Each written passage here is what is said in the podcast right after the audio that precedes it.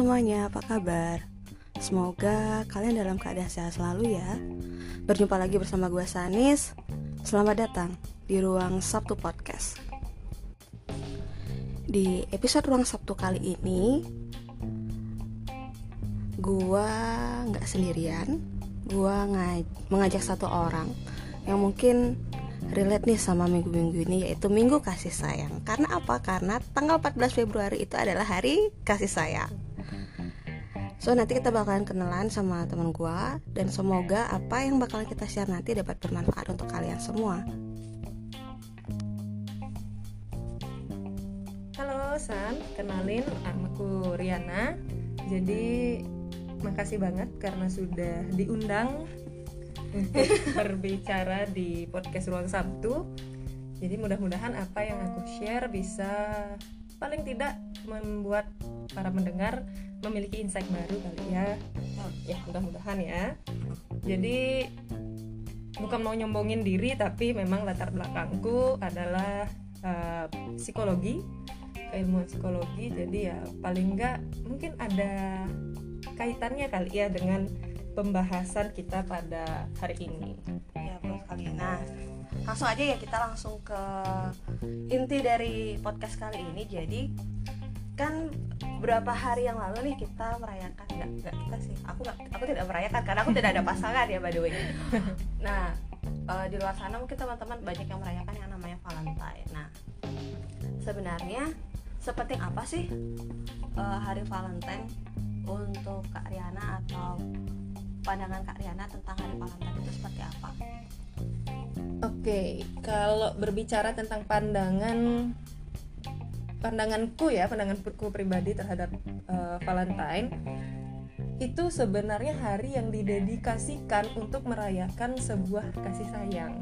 Jadi emang sih kalau orang-orang yang uh, pada umumnya bilang kasih sayang itu kan bukan tanggal 14 Februari aja gitu. tapi setiap hari 365 hari 7 hari seminggu 2, 24 jam sehari gitu ya itu selamanya cuma um, mungkin orang-orang zaman dulu membuat sebuah hari di mana kita mendedikasikan nih kasih sayang itu perlu kita rayakan, perlu kita buat spesial. Karena ternyata sebuah kasih sayang itu um, apa ya istilahnya itu ada setiap hari dan kita lupa bahwa kasih sayang tuh ngalir setiap hari. Jadi dibuatlah satu hari untuk mengingat itu bahwa kita seorang manusia selalu dialiri dengan kasih sayang. itu uh, berbicara tentang kasih sayang kalau kita flashback nih uh, mungkin ke belakang-belakang banyak orang-orang yang ngerasa kasih sayang itu nggak cukup hanya diberikan berupa barang.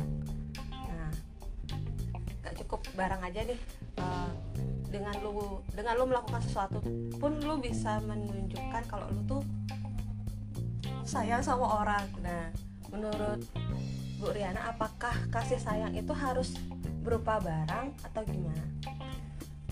Iya enggak sih. Cuma kalau katanya coach Lex de Praxis ini ya yang yang saya ikuti. Jadi dia coach uh, coach sejenis coach untuk memperbaiki hubungan cinta gitu ya. Spesialis kelas cinta gitu ya. Spesialis kelas cinta. Um, tidak mesti berupa barang tapi memang barang adalah bentuk paling nyata yang bisa orang lain nilai gitu loh. Jadi meskipun barang itu nggak mahal tapi yang penting ada usaha terus ada benda nyata. Itu kayak ada ada semacam benda nyata yang bisa kita nilai gitu loh bahwa orang ini punya usaha untuk memberikan saya sesuatu. Meskipun itu tidak selalu menjadi tolok ukur seberapa sayang seseorang terhadap diri kita atau kita terhadap orang lain. Gitu. Jadi barang tuh kayak investasi kasih sayang sih sebenarnya ya nah kadang-kadang kan ada ini uh, kalau kita ini ya ada orang yang nggak suka dikasih hadiah uh, ada orang yang uh, lebih suka ya cukup quality time lah biasanya quality time atau uh, cuman yuk cuman duduk berdua aja. Duduk berdua saja cukup uh, ya yang satu melakukan satu aktivitas apa saya melakukan satu aktivitas apa cuman oh udah duduk bareng. Itu rasanya udah jadi nggak barang gitu ya iya. nggak mesti barang. Ya memang um, jadi masuknya ke sini nih. Uh, mungkin pendengar semua juga pasti pernah denger selentingan uh, atau sekilas tentang love language atau bahasa cinta.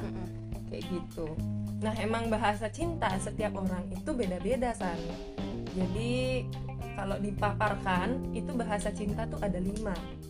Ya bahasa cinta seseorang. Jadi apa itu bahasa cinta? Jadi uh, aku definisikan dulu. Bahasa cinta itu bagaimana seseorang mengungkapkan cinta dan bagaimana seseorang merasa dicintai gitu maksudnya bahasa cinta. Love language itu. Nah bagaimana seseorang mengungkapkan cinta dan bagaimana dia merasakan cinta kan beda-beda.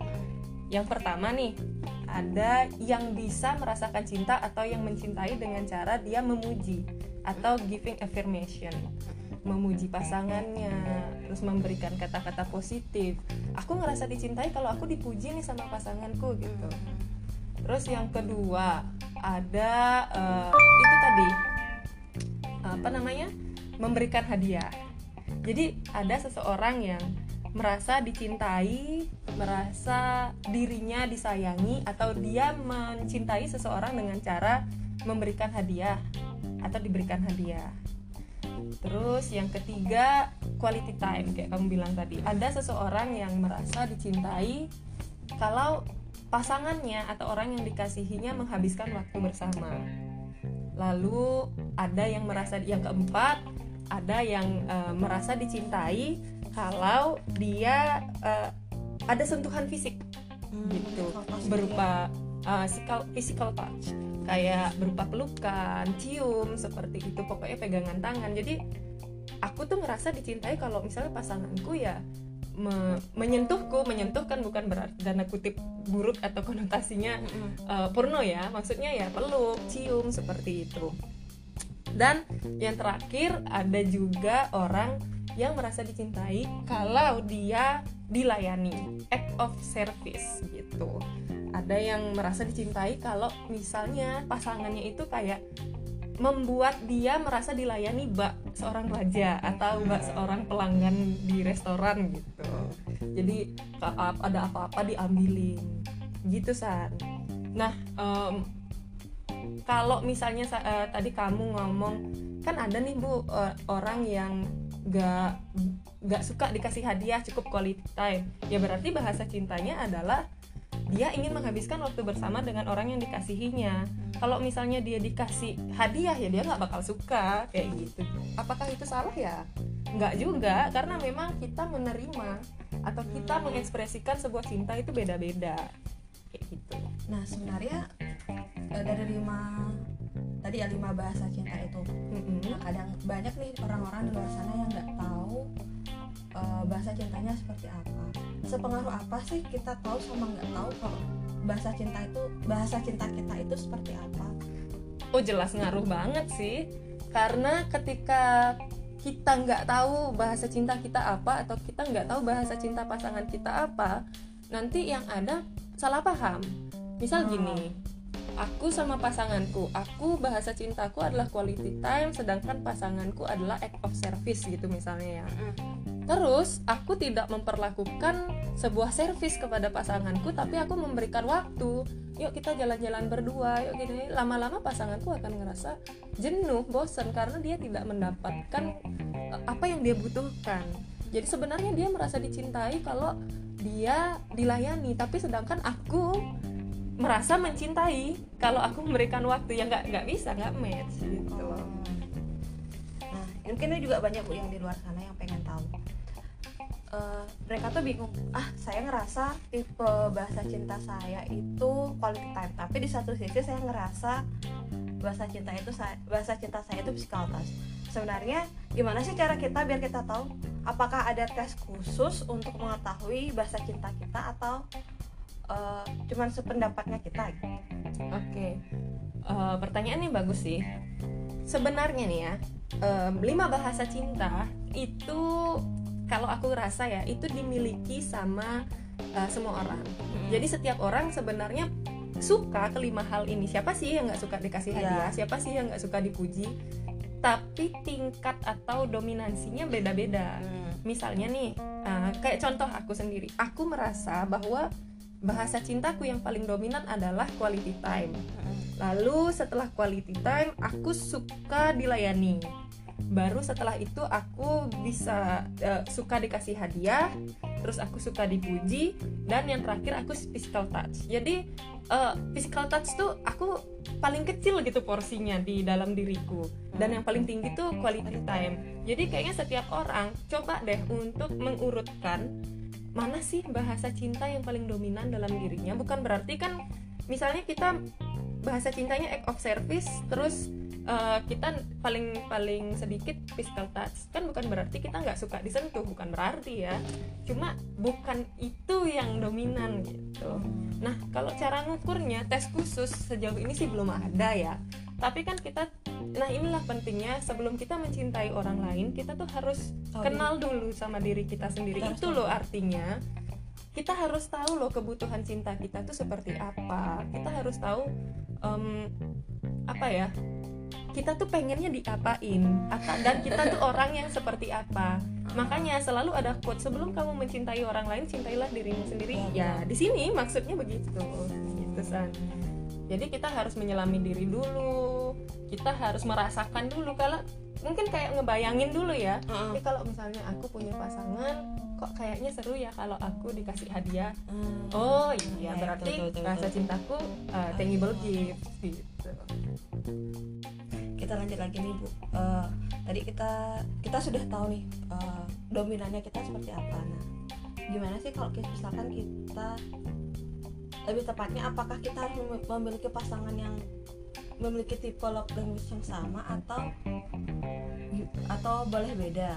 Karena kan kalau takutnya beda malah menimbulkan ah dia nggak sayang sama gue uh, dia aja memperlakukan gue seperti itu. Kan iya. pandangan orang dicintai itu beda-beda beda gitu. berdasarkan lima bahasa cinta itu oke okay. um, kalau kasus saya sama suami hmm. saya sendiri bahasa cinta kita itu beda mm -mm. tapi buktinya bisa nikah mm -mm. dan hubungan kami masih harmonis mm -mm. saya bisa bilang hubungan kami sangat harmonis mm -mm. karena apa saat masih pacaran saya sudah membahas ini sama pasangan saya jadi saya nanya nah kebetulan ini karena kebetulan saya untungnya saya tahu lebih dulu sebelum nikah mm-hmm. jadi saya bisa mengkomunikasikan ini. Kamu tuh merasa dicintai kalau kamu gimana sih? Jadi saya oh. jabarkan nih lima bahasa cinta ini. Itu penting yang ngomong sama pasangan dan apalagi kita punya best teorinya kan. Yeah. jadi kita paparkan aja Ad, uh, coba deh kamu pilih di antara lima ini yang mana paling dominan. Dan ternyata pasangan saya adalah act of service sedangkan saya quality time. Hmm. gitu. Uh, terus dominan kedua. Dominan kedua saya uh, apa act of service. Sedangkan dia dominan keduanya physical touch.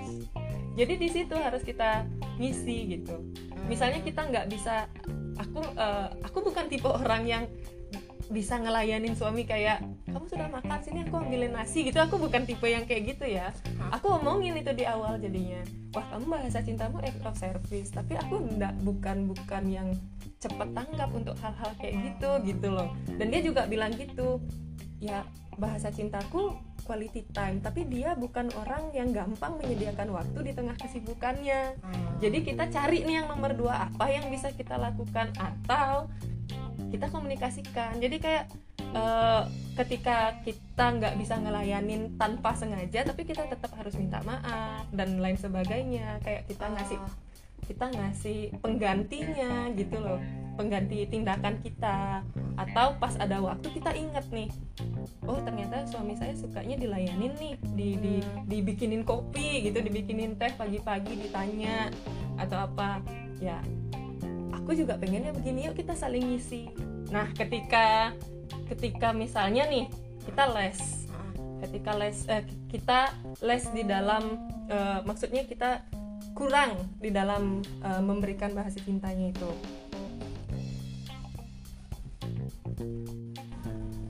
Nah misalnya itu kayak tadi kita kurang dalam mengungkapkan bahasa cinta kebutuhan bahasa cinta dari pasangan kita tuh. Ya jadi kita harus cepat sadar oh ternyata kayaknya nih pasangan kita butuhnya begini gitu. Jadi nggak jadi nggak ada lagi pertengkaran yang kamu tuh nggak ngerti aku kamu tuh berapa tahun sih sama aku? Kok nggak Oh. ngerti-ngerti sih? Gitu. Jadi Berarti- udah nggak ada kata-kata kayak gitu. eh, kalau kita lihat ya dari seperti itu banyaknya eh, mungkin banyak pendengar yang di sana yang ngerasa hubungannya eh, belakangan ini tidak tidak harmonis ataupun tidak seperti di awal-awal. Biasanya kan kita kalau di awal tuh semua kita curahkan tentang quality time lah kita touch atau pokoknya kelima lima bahasa cinta itu kita keluarkan lah ke ya pasangan. benar. Di awal-awal kan di awal-awal. biasanya, eh, satu bulan pertama oke. Dua bulan tiga bulan oh kok makin berkurang ya? Ternyata bisa jadi mereka saling tidak terbuka dengan Iya. adanya bahasa cinta, bahasa cintanya mereka. kayak gitu. Ini juga saya pernah dengar curhat dari temen. Jadi dia itu sering jadi tong sampahnya orang-orang yang LDR jadi dia sendiri nanya aku tuh bingung nanggepin temenku yang cerita mereka LDR Mm-mm. terus kalau misalnya LDR gimana nih? Kok mereka jadi sering berantem? Ya karena mereka terbatas untuk mengekspresikan bahasa cinta ketika LDR iya kan?